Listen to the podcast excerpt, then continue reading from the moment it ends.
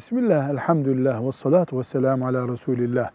Bilhassa e, Türkçe edebiyatında Peygamber sallallahu aleyhi ve sellemi övme tarzı için gül bitkisi çok kullanılır. Gül gibi peygamber, gül peygamber.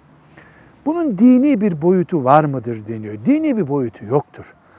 Birincisi Peygamber sallallahu aleyhi ve sellemin zamanında bilinen bir gül çeşidi var mıydı Medine'de böyle bir bilgimiz de yoktur. İkincisi üç günde solan hiçbir şey alemlere rahmet bir peygamberi tam temsil edemez zaten. Ama insanlar olarak aramızda bir güzellik, sempati anlatmak için gül de kullanırız, lale de kullanırız, ayçiçeği de kullanırız, buğday da kullanırız, başak da kullanırız.